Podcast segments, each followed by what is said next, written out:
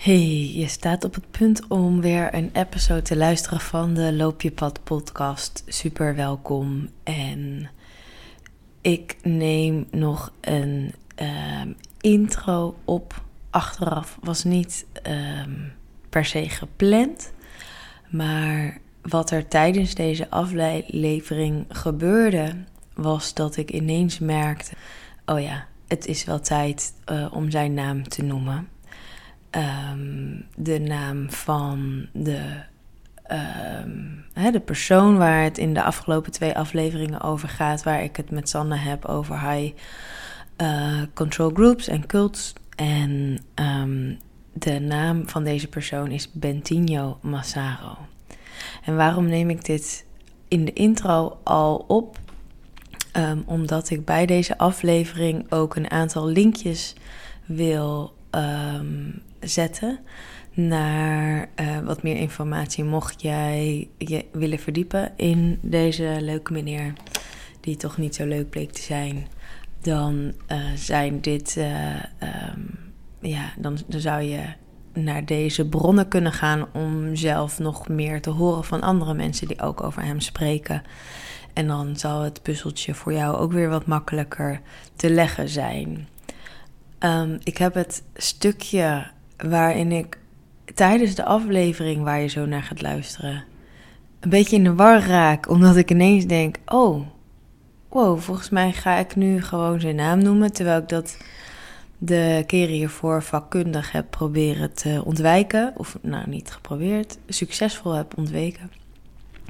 Ik heb het expres ingelaten, um, omdat dat gewoon precies zo ging zoals het ging. Um, en ik denk dat het, uh, ja, het is gewoon een mooi onderdeel van mijn proces, proces ook weer. Um, dus dan, dan weet je dat. Um, maar Bentinho Massaro dus. En voor uh, meer informatie kun je naar de show notes van deze aflevering. En dan zou je er, als je wil, zelf verder in kunnen verdiepen. Verder, mocht je deze leuke meneer volgen Um, doe, doe lekker wat je wil. Je hebt nu mijn kant van het verhaal gehoord, mijn informatie gehoord. Um, wat je ook doet, um, pas goed op jezelf. En heb jezelf heel erg lief. En dan komt het helemaal goed voor jou, met jou. Oké, dan wens ik je nu heel veel plezier, heel veel luisterplezier met deze episode.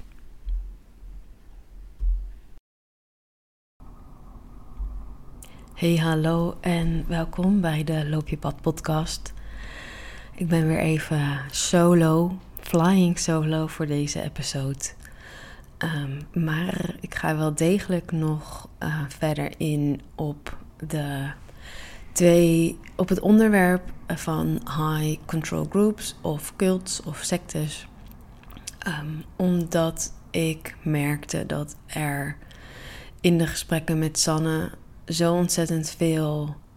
Uh, er is zoveel over te zeggen. En sommige dingen voelden minder relevant um, in gesprek met haar, omdat um, haar situatie weer net over een andere manier van toxische relaties uh, spreekt.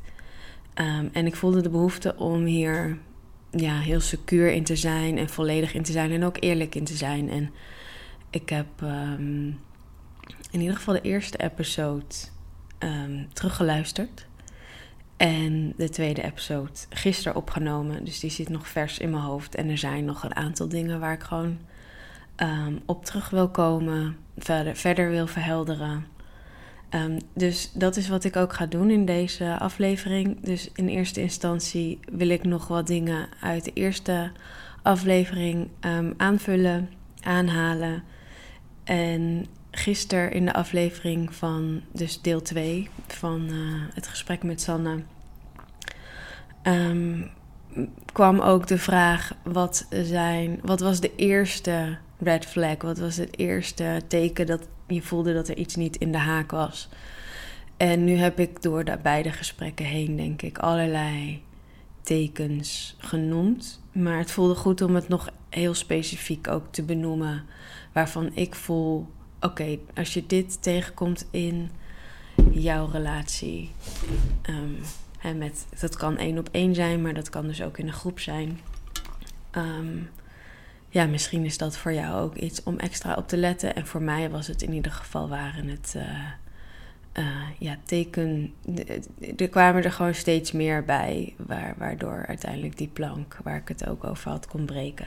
Nou, je merkt dat ik um, flink refereer naar um, de vorige twee afleveringen van deze podcast. Dus als je die nog niet hebt geluisterd, raad ik je ten eerste aan om die eerst te beluisteren. Um, then it will make so much more sense to uh, listen to what I have to say today. Um, ja, laat ik daarmee beginnen. En dan is er iets wat ik ook graag nog voor je wilde doen, is het eigenlijk meer uitzoomen. Dus niet zozeer meer op mijn situatie, maar um, waar, waar mag je in het algemeen op letten als je um, in een groepsdynamiek zit of, of machtsverhoudingen of in een relatie? wat zijn tekenen aan de wand? Dus niet zozeer persoonlijk uit mijn ervaring, maar meer een soort samenvatting. Oh, sorry, dat was mijn stoel. Um, misschien plak ik die achter deze aflevering. Misschien wordt dat uh, een, een losse nieuwe episode. Ligt er een beetje aan hoe lang deze duurt. Oké, are you ready? Het eerste waar ik even op terug wou komen Um, en dat is in, de, in deel 1 van, uh, van ons gesprek. Um, vroeg Sanne mij van, wist je meteen zeker hè, dat het een goede keuze was om weg te gaan? Ik weet niet meer precies hoe ze het formuleerde, maar in ieder geval in die trant van, of had je twijfels? Weet je wel, van, heb ik het wel goed gezien? En toen vertelde ik dat die situatie met dat, uh, die beschuldiging van, hé, hey, je bent overgenomen of onder de invloed van negatieve entiteiten. En met andere woorden, hè, ja, je weet, dit is niet jij. Hoe je het nu doet, dat ben jij niet. Dat is een andere een energie, een andere entiteit. Ehm, dat vond ik dus inderdaad zo extreem. En ik hoorde in die episode ook mijn vuur in mijn stem. Ehm, toen ik het daarover had, zat ook echt nog wel wat emotie van what the fuck, dude. Dus ja, het is nog blijkbaar niet helemaal um, verwerkt. Niet helemaal 100% een plekje gekregen.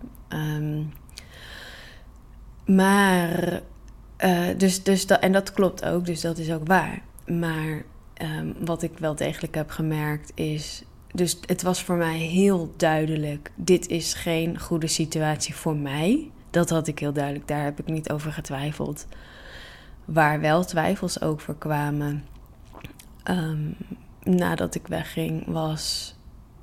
Um, dus niet zozeer klopte dit voor mij, maar meer. Oké, ben ik dan misschien overgevoelig? Of ben ik dan. Um,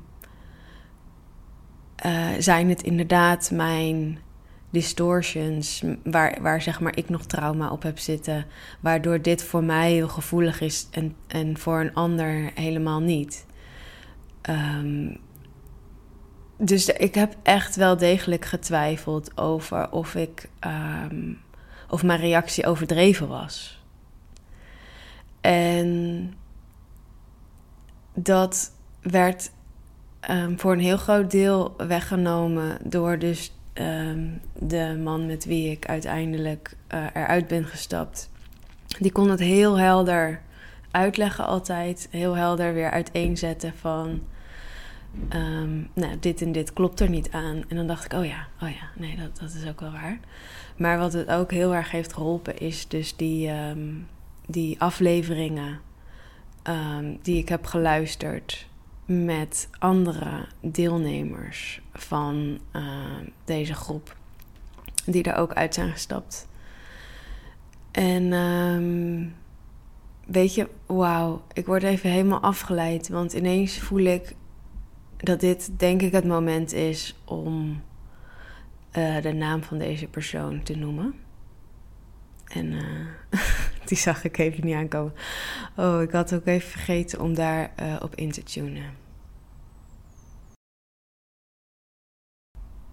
Oké, eh, dit weet jij niet, maar ik heb net even de opname stopgezet. Omdat ik oh, even dacht: wow, oké, wat? Huh? Wat moet ik hier nou weer mee? Um, het voelde ineens zo omslachtig om nog eromheen te blijven praten. En om, wat ik net zei, die personen in dat interview die dan weg zijn gegaan. Het is gewoon zoveel makkelijker om zijn naam te noemen. En uh, het voelt ook wel tijd. Dus uh, de persoon over wie ik het heb in deze episode en de afgelopen twee episodes um, is Bentinho Massaro. En um, misschien heb je zijn naam ook wel eens voorbij horen komen in deze podcast. Want zoals je weet, um, was ik natuurlijk heel erg fan van zijn early teachings. En uh, dat is ook wat mij um, ja, heeft uh, aangetrokken tot deze meneer. Um, dus vanaf nu uh, gaan we het gewoon hebben over Ben, zo voor de insiders. Um, en de, hè, de twijfel die ik dus had over of wat hij doet of dat eigenlijk wel echt zo slecht is, of dat het meer mijn gevoeligheid is. Um, die werd ook weer voor een heel groot deel weggenomen door um, drie mensen die dus deze groep zijn, hebben verlaten. Die hebben in de podcast A Little Bit Culty een interview gegeven. En dat kan je luisteren. De episode heette volgens mij Bentinho Massaro Sax, which is funny, I think. Um, en daarin hoor je een nog veel extremere variant van mijn verhaal. Um, en dat brengt mij ook, wat mij ook deed twijfelen, is ik ben meteen weggegaan na deze eerste ervaring, waarin ik voelde: oké, dit is een grens en die wordt duidelijk overschreden. En dat was dus die beschuldiging. En dat ik ineens voelde van hé, hey, ik zit nu ineens in zo'n web van um, zo'n groepscontroleweb. En maakt het eigenlijk iemand uit hoe het met mij gaat? Uh, is dat belangrijk? Um, of doet dat er niet toe? Nou, en ik voelde heel erg, dat doet er dus helemaal niet toe. En ik ben dus meteen weggegaan. Wat heel gezond is, denk ik. En wat duidt op uh, liefdevolle grenzen voor mezelf. Um, wat het wel extra uitdagend maakte, is dat ik daarna dus nog veel heb gedacht, totdat ik deze interviews had gehoord, van, nou ja, was het echt zo erg? Um, het, de level of abuse die ik heb meegemaakt, is dus relatief laag geweest. Ik heb vooral het patroon gezien en er een klein um, hapje van mogen proeven. Uh, dat zeg ik natuurlijk helemaal niet goed, maar ik heb er een klein deeltje van ondervonden. Maar ik ben niet lang genoeg, godzijdank, maar lang genoeg gebleven om echt ten diepste te ervaren hoe ontzettend niet oké het was omdat ik meteen wegging. Maar dat maakte dus ook hè, dat, ik, dat ik twijfelde van... overdrijf ik niet? Um, en toen ik die interviews hoorde... en dat waren dus mensen die echt in zijn inner circle, in zijn inner circle zitten... Um, dat was voor mij een, een grote bevestiging van... wauw, het is echt niet oké. Wat hij bij deze mensen heeft gedaan, dat duidt maar weer op het feit dat het hem dus inderdaad um, niet interesseert hoe het met jou gaat. En dat het hem echt vooral om hemzelf gaat. En dat zit ook helemaal in de teachings verweven.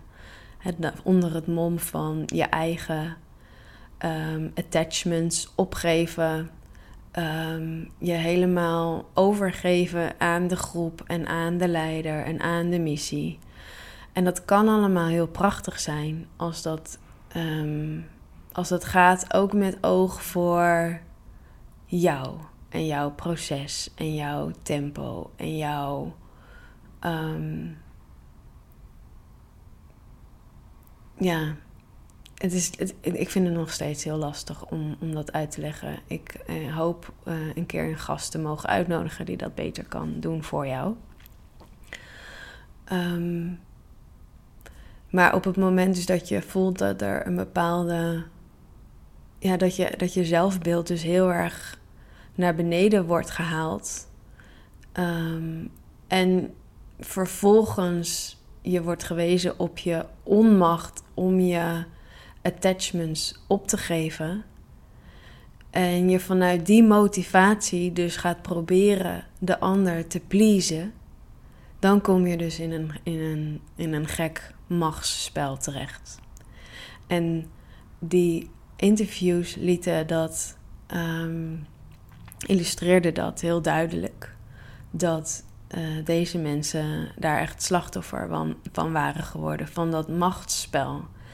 En dat hij het doet laten lijken alsof het allemaal vanuit vrije wil is. Maar ondertussen ben je al um, zo geprept dat je al een paar grenzen over bent gegaan. Um, en dat je dus steeds extremere dingen over je heen laat komen. En dat is heel typisch voor cults, is dat je, um, ja, dat je, dat, dat je als nieuwe deelnemer, of als je steeds dichter bij zeg maar, de leider komt, dat je steeds meer en meer getest wordt uh, op hoeveel misbruik, hoe, hoe, hoe ver mag ik bij je gaan en Mag ik ook deze grens over? Mag ik deze grens over? En dat gaat heel geleidelijk. En dat is er zo kut aan. Want het is niet, je gaat niet van het een, je stapt niet in een cult voor je, voor je plezier. Je gaat niet uh, um, deelnemen aan zo'n groep omdat je zo graag misbruikt wil worden. Um, je, deelt, je neemt deel aan de groep omdat je denkt dat het iets goeds is. Omdat je open, zelf open staat voor zelfontwikkeling, omdat je naar jezelf durft te kijken en wil kijken. En um, in dit soort groepen wordt daar dus misbruik van gemaakt. Uh, juist het feit dat, dat dat zijn prachtige kwaliteiten hè, om, om zelf zuiverder in het leven te willen staan, om um, van je, je, je potentieel te optimaliseren, om uh, uh, te leven voor een missie waar je heel erg in gelooft. Dat zijn prachtige kwaliteiten. Of in ieder geval motivaties of inner drives. Maar in dit soort groepen wordt daar dus misbruik van gemaakt. Juist van, van die um, introspectie. Dat, je, dat je dus heel erg open staat voor het feit dat jij misschien iets doet. Of jij misschien iets denkt wat niet klopt. Maar als dat komt vanuit een persoon, en dan kom ik weer op die intentie, die dat niet doet vanuit liefde, maar die dat doet voor eigen gewin, um, ja, dan kan het dus heel nasty worden. Dus die twijfel die zat er wel degelijk.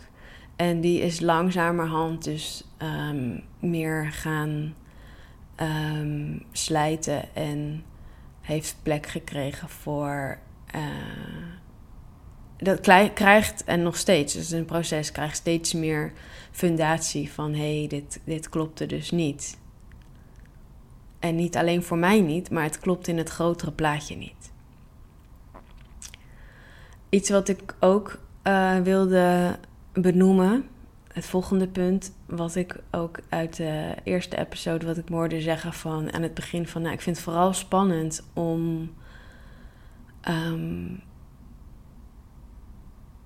om te ervaren, kan ik het goed uitleggen? En het hangt eigenlijk samen met het eerste deel van die, wat ik het net over had, van die twijfel. Um, ik denk dat dat iets collectief heel diep zit bij vrouwen.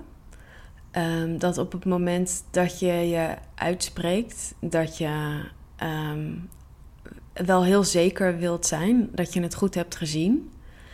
En dat het ook van je gevraagd wordt door de maatschappij om het te onderbouwen en te onderleggen met argumenten en met bewijzen.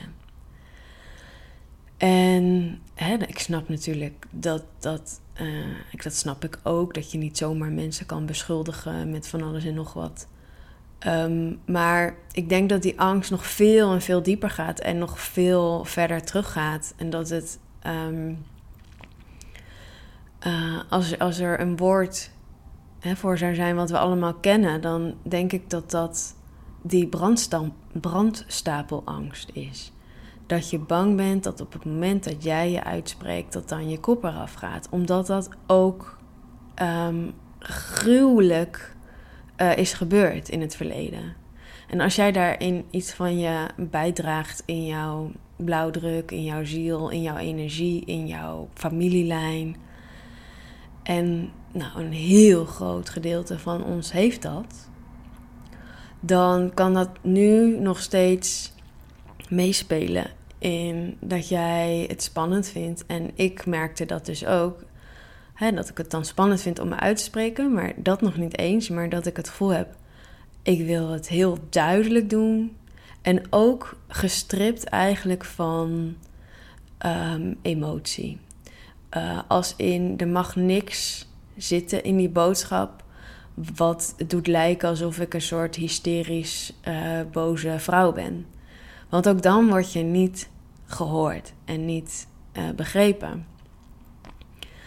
En, um, en, dat, en dat is, en dat is heel lastig, want slachtoffers, op het moment dat ze zich uitspreken, zijn ze vaak nog labiel en um, zitten er allerlei emoties op. En, en natuurlijk, misschien zit, daar, zit dat ook weer verweven met andere trauma's die helemaal niks met dit type um, abuse te maken hebben. En toch denk ik dat het heel belangrijk is dat we ervoor open blijven staan. Dat we elkaar blijven horen in, in, alle, in welke vorm de boodschap dan ook komt. Dat als iemand zich um, misbruikt voelt, dat dat eigenlijk al genoeg is om dat serieus te nemen. En er komt dan natuurlijk een volgend gebied waarbij je oprecht kunt afvragen: hey, is dit nou mijn eigen um, angst, hè, die helemaal niks met deze persoon te maken heeft? Um, of is het werkelijk abuse? En daarom geef ik, probeer ik zoveel mogelijk details te geven of de dynamiek erachter uit te leggen, zodat je voor jezelf kunt voelen: ja, projecteer ik dit nou op die persoon of is er onderliggend werkelijk iets aan de hand? En um, ja, ik denk dat dat gewoon vragen zijn die we veel meer mogen stellen en waar we het veel meer over mogen hebben met elkaar. Um, zodat we daar steeds scherper in worden en ons, ons radar en onze antenne daarin steeds scherper afgesteld uh, mag worden. In uh, de eerste uh, aflevering had ik het ook over um, dat als je in een groep zit en de groepsleden uh, keren je de rug toe op het moment dat je weggaat, dat dat een, een red flag is, een signaal is van hé, hey, um, zit het dan wel lekker in deze groep? En daar wilde ik nog aan toevoegen dat eigenlijk iets wat ook dus bijdroeg aan de spanning van het opnemen van deze episodes was dat ik wel aan een paar mensen had verteld waarom ik werkelijk weg was gegaan. Maar um, ik ben echt gegaan voor de silent, clean exit. Dus ik ben niet weggegaan met de werkelijke reden. Dus ik heb toen een bericht gestuurd aan Ben en aan de groep van... hey, oké, ik ben erachter gekomen, dit is niet helemaal voor mij. Um, ik ga lekker mijn trail of excitement volgen en... Um, weet je, mijn, mijn geluk beproeven eigenlijk in de, in de buitenwereld. Um, ik heb mezelf daar ook nog wel op veroordeeld daarna. Uh, voelde, later voelde het love Um, dat heb ik nu niet meer hoor. Want ik kan nu zien hoe het echt een, een stuk wat ik dacht dat ik nodig had, zelfbescherming was. En um, dat het op dat moment was dat de manier waarop ik weg kon gaan. En ik was gewoon niet steady genoeg ehm, in mijn mening ook. Hè, wat ik net ook zei, die twijfel. Ik was daar niet steady genoeg in om, om um, call him out. Dat, dat durfde ik niet. En ik, ik wist het gewoon. Ik moest dat echt allemaal processen eerst. Voordat ik op deze plek kan zitten en me uit kan spreken. Maar dus die, die echte exit van die groep heb ik op die manier, doe ik eigenlijk pas nu. Dus er zijn. Um, uh, ja, nou ja, dat voelde gewoon even relevant om dat nog toe te voegen. En wat voor mij ook echt nasty voelde toen al, was dat toen ik dus dat bericht in de groep stuurde, um, dat um, Ben daar ook meteen op reageerde van, oh fijn, geluk, veel plezier. En, uh, en ook als message naar de anderen van, nou dit is dus de manier om weg te gaan als je weg wil gaan. En dat voelde heel. omdat ik ja, eigenlijk misschien liever me uit had gesproken en had gezegd: ehm, Jongens, dit is hoe we dit doen, het klopt niet. En uh, hoe Ben ons behandelt, klopt ook niet. Ehm, en misschien heb je het zelf persoonlijk nog niet ervaren, maar ehm, wat er achter gesloten deuren gebeurt, is gewoon niet oké. Ehm, dus daarom voelde het echt heel erg.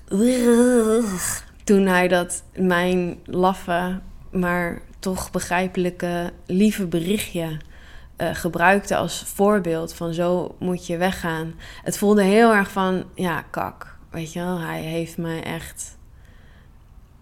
Ik weet dat hij weet uh, dat, dit, dat dit niet de reden is waarom ik wegga. En het voelde heel erg van: oké, uh, voor hem mission accomplished. Van nou, die, die gaat in ieder geval niet spreken, die gaat niet praten. Zo voelde het een beetje. Snap je wat ik bedoel? Um, ja, dus ik voelde me daar weer zo klein als dat ik eerder voelde. Um, ik voelde me daarin ook vernederd of zo. En zoals ik me ook voelde toen die avond daarvoor, of die paar avonden daarvoor, toen hij voor me stond met dat glas met water van wil je dat ik je help? Met zo'n grote glimlach, maar heel, heel erg vanuit, ah, weer eentje. Weet je wel, weer een grens overgegaan. Zo, ugh. Ja, ik krijg er helemaal de kriebels weer van.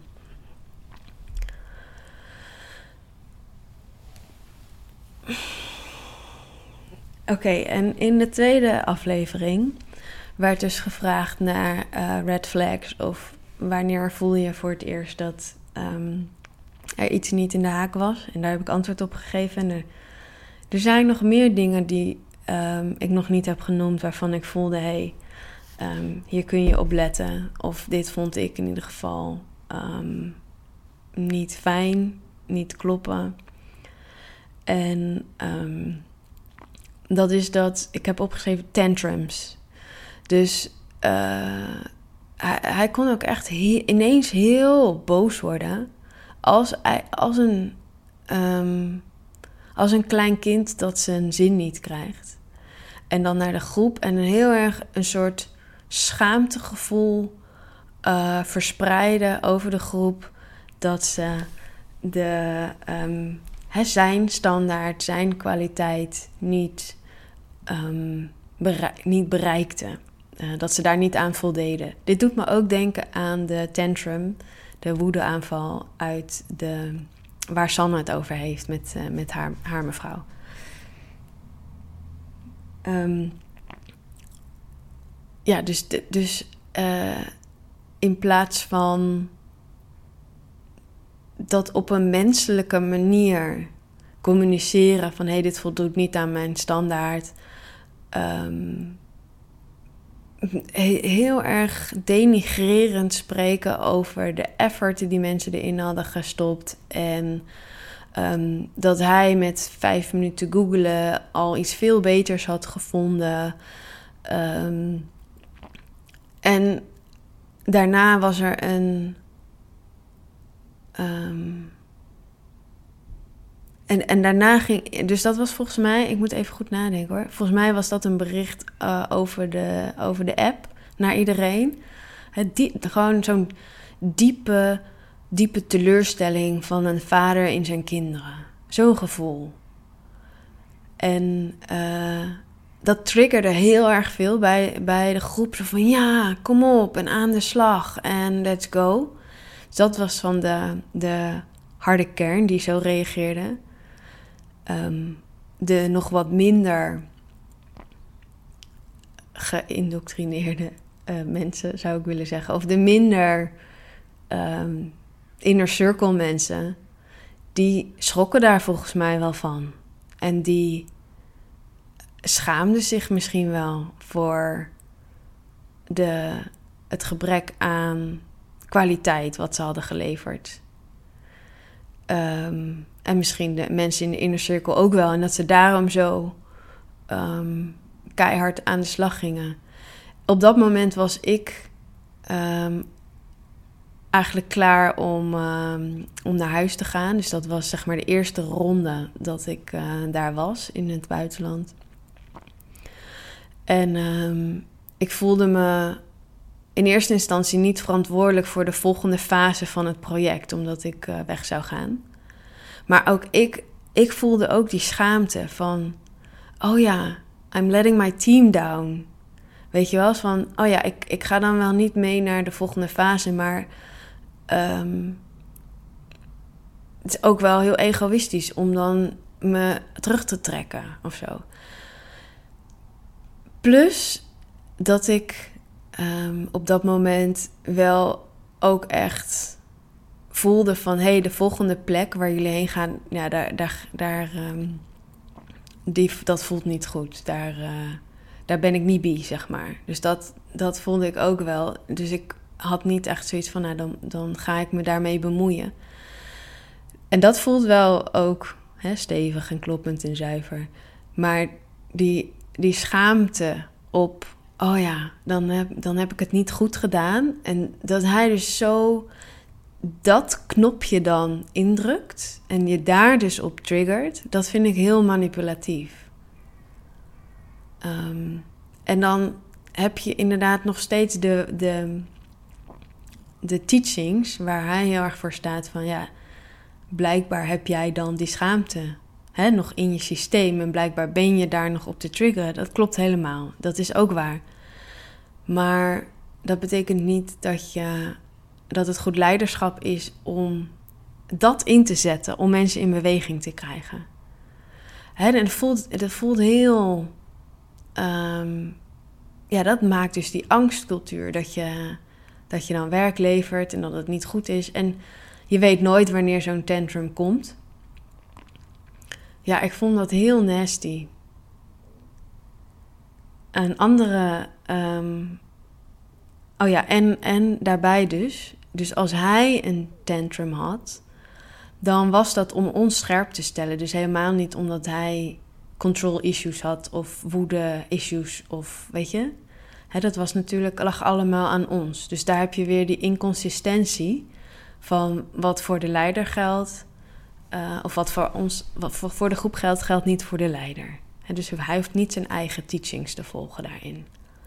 Dus als hij of een depressief aan, uh, of een, een, een, periode van depressie of uh, iets anders, dan was het altijd om een reden. En dan zeiden ja, ik weet het niet, ik weet het nog niet precies, maar er is altijd een reden waarom zo'n periode komt om zijn team op scherp te stellen of om andere mensen in hun leiderschap te zetten als hij dus te depressief was om uit zijn bed te komen.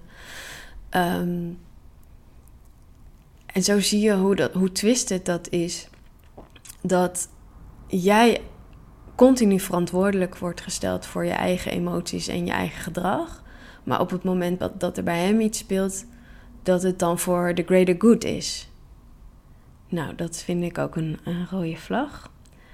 Wat ook een rode vlag um, uh, was, is uh, de manier waarop hij over vrouwen sprak. Ehm, het leek uh, aan het oppervlakte heel erg empowering en liefdevol en waardevol. Maar als je daaronder keek, zat er toch ook altijd een patriarchal randje aan van... Nou, dit is hoe ik vind dat vrouwen zich moeten gedragen. Ehm, hij zei ook wel eens van... Uh, en uh, dat hè, de dedication aan het team en aan de missie... Uh, zo belangrijk was. En dat je je personal attachments opzij moest zetten om hè, bij, hem in zijn team te mogen werken. En dat, dat je dus niet als je ongesteld bent, dat je dan ineens niet kan of zo. En dat zijn zo van die kleine opmerkingen die dan best wel vaak zo tussendoor um, genoemd werden. En op zo'n moment denk je nog, oh ja, het makes sense. Maar nu, nu ik kan zien hoe het, hoe het een totaal, inderdaad,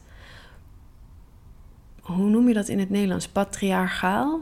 Patriarchal um, wereldbeeld is, wat, wat over de hele groep eigenlijk uitgespreid wordt.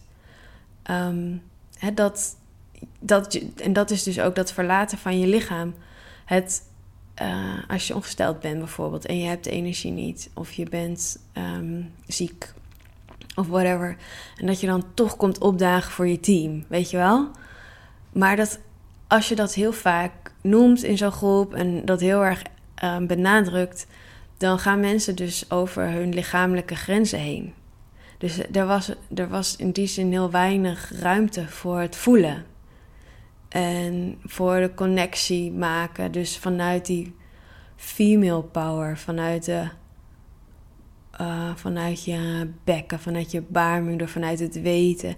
In die zin was er ook heel weinig respect voor het vrouwelijk weten. Voor de diepe wijsheid die, waar wij meer toegang toe hebben, omdat we nou eenmaal vrouw zijn. Totaal geen oog voor vond ik. Um, dus ik vond die opmerkingen dan een hmm, oké. Um, en later, dus dit jaar, dat ik juist zelf weer heel erg ben gaan zakken in mijn lichaam, vind ik het een mega red flag. Achteraf gezien dus, hè.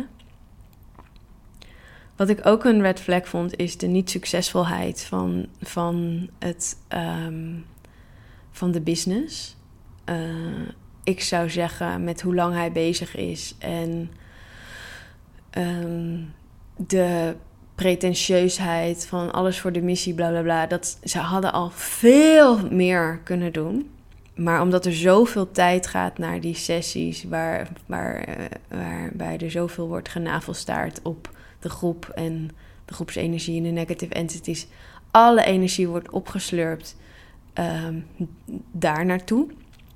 Maar er had al zoveel. Dus ik verbaasde me daar gewoon over. Van hoe kan het dat dit nog niet groter is?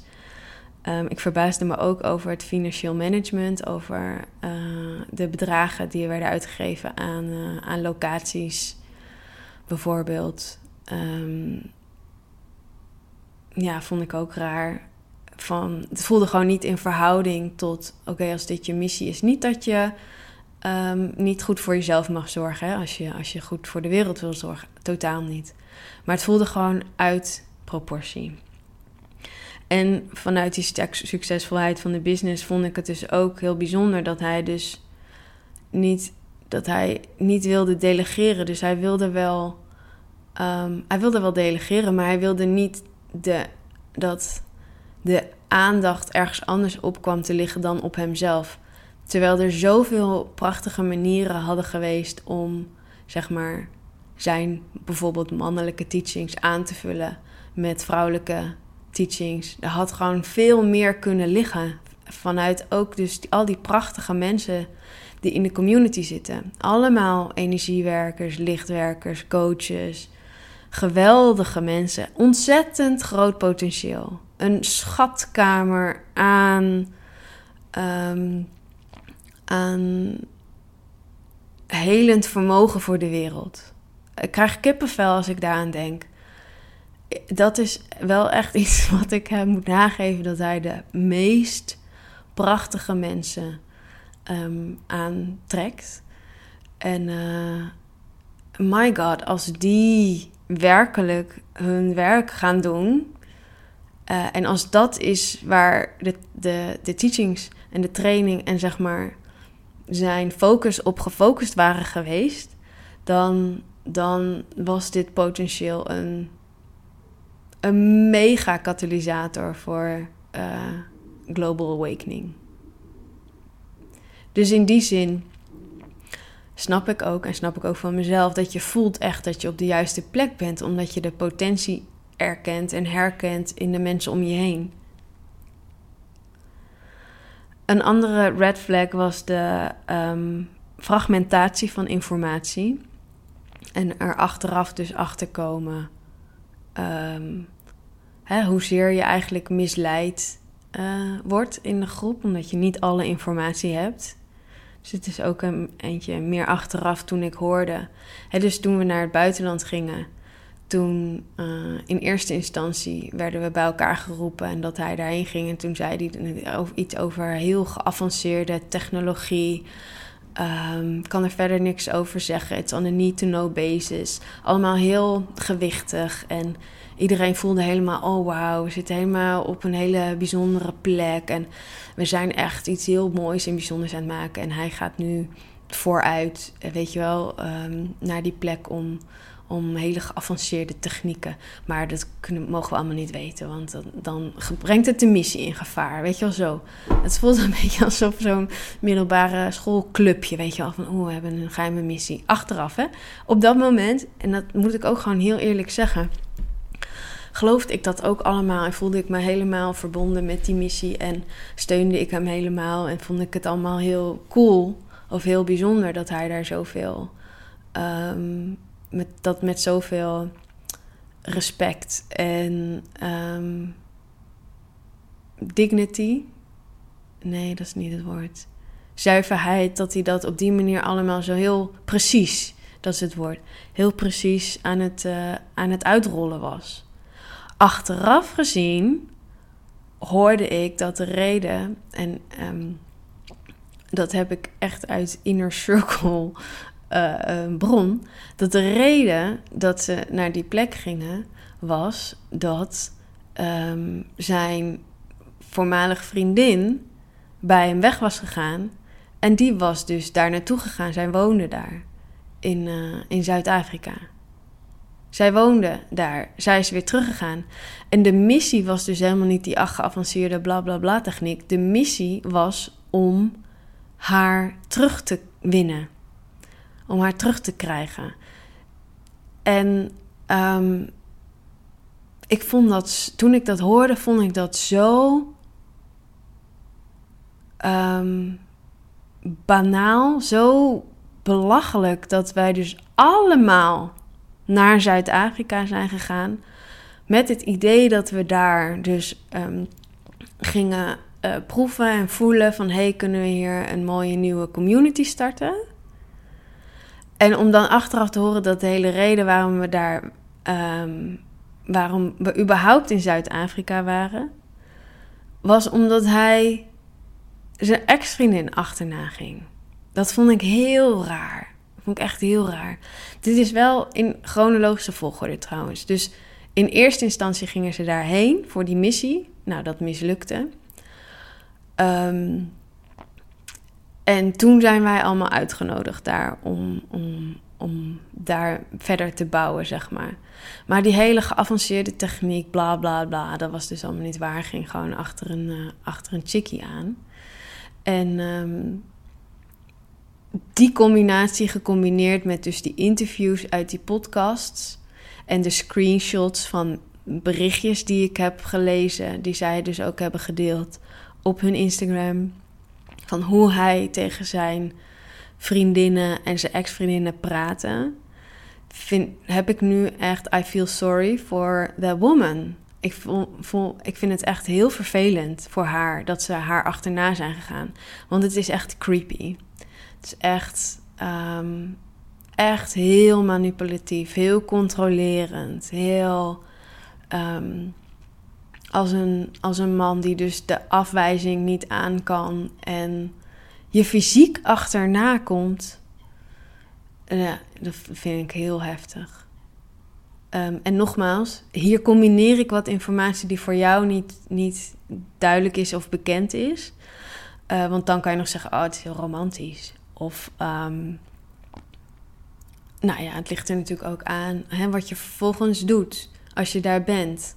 Maar zij heeft dan heel duidelijk haar grenzen daar ook weer in aangegeven. Nou, er zijn gewoon wat verhalen um, die, waarvan ik denk, um, poor woman. Gewoon niet oké. En ook echt die, die screenshots van, van hoe Ben probeerde.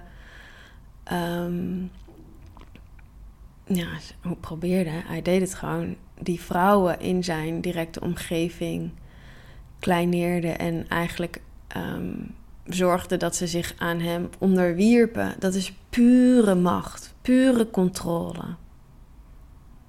Vreselijk.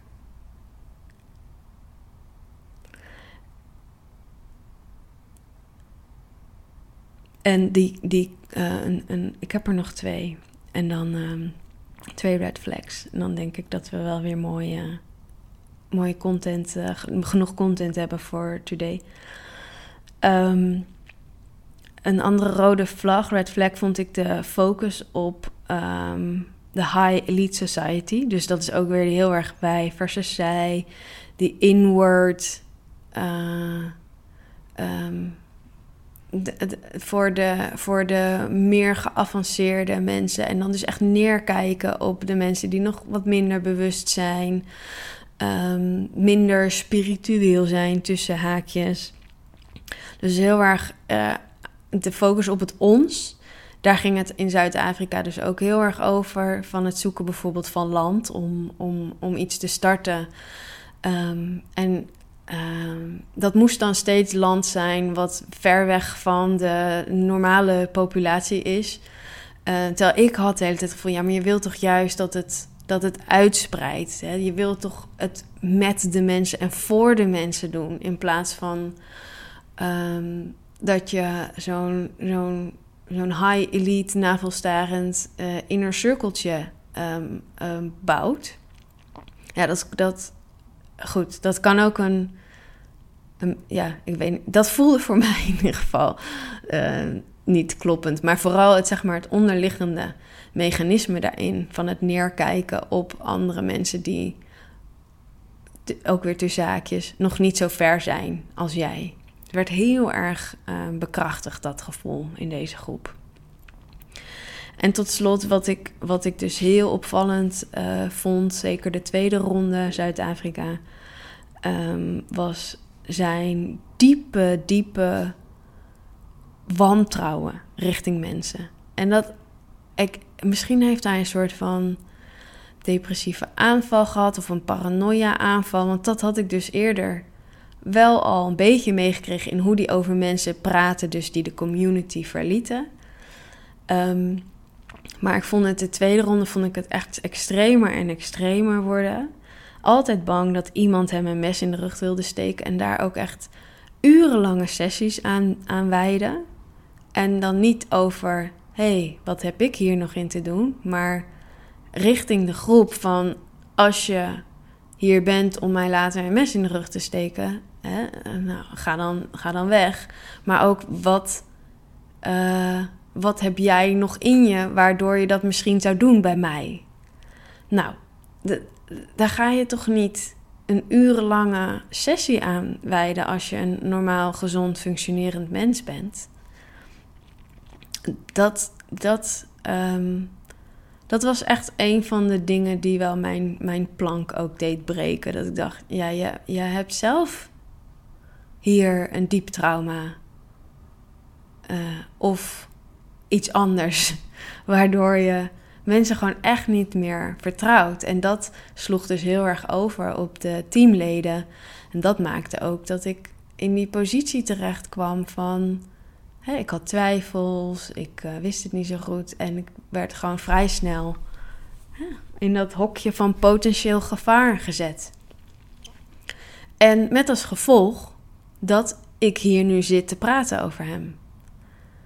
Hè, het is een soort, het is een self-fulfilling prophecy uh, die je daarmee creëert. Um, ja.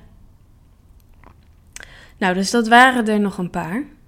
Um, en tot slot wil ik uh, nog zeggen dat na aanleiding van mijn eerste episode, hè, in, in de tweede, deel 2 met Sanne, uh, zeg ik ook um, dat ik best wel teleurgesteld was dat bepaalde mensen niet hadden uitgereikt. Dat ik het niet per se had verwacht, maar misschien wel had gehoopt.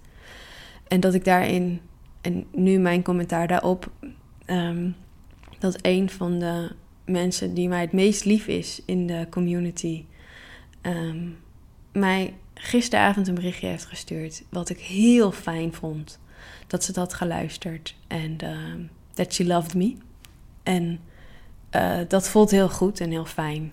Um, en ik wilde ook. Dus ik was ook een beetje ongeduldig. Omdat het voor mij natuurlijk heel erg even, heel erg het centrum van, van die week was. Die episode opgenomen en dat verhaal vertellen. Maar ja, niet iedereen heeft meteen tijd om dat allemaal te luisteren. Dus ik was daar ook wel een beetje ongeduldig in. En ik denk stiekem dat ik alleen maar hoopte op dat berichtje van haar. Dus als je deze ook nog hebt geluisterd, thank you so much. Um, en ik wil heel duidelijk maken, ook naar aanleiding van het vorige deel, um, dat ik geen sinds een oordeel heb over de mensen die in deze groep zitten. Dat ik ze heel erg lief heb en dat ik heel goed begrijp.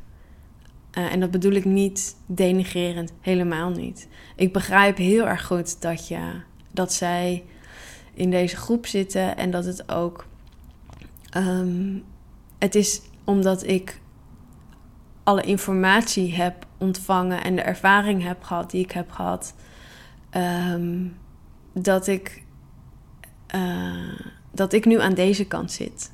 En um, ik veroordeel het helemaal niet als, als mensen aan de andere kant zitten. En ik snap het ook heel goed. En ik kan me ook heel goed voorstellen dat het, hè, nogmaals, zeker als je niet in de inner inner circle is, dat het een enorme verrijking is voor je leven. En met al die fragmentatie aan informatie, de, je, um, als je het niet. Um, ja, dus ik heb mijn conclusies getrokken op basis van de informatie die ik heb. En zij trekken de conclusie op, de, op basis van de informatie die zij hebben. En that's it. En dat veroordeel ik helemaal niet. En uh, ik gun iedereen een, een heel gelukkig, fijn, uh, vrij leven. En als zij voelen dat dat um, daar is, dan. Um, uh, ja, dan, dan, dan heb ik daar helemaal niks over te zeggen. Ik gun het echter um, niemand om dus op die positie te komen van zijn ex-vriendinnen bijvoorbeeld. Um, want daar, daar, ja, daar, daar, daar, is het echt op zijn nastiest. En uh, um, ja, dat was hem. Uh, heel erg bedankt voor het luisteren naar deze episode. En uh, heb je vragen of opmerkingen? voel je vrij om uit te reiken. En dan spreek ik je heel graag in de volgende.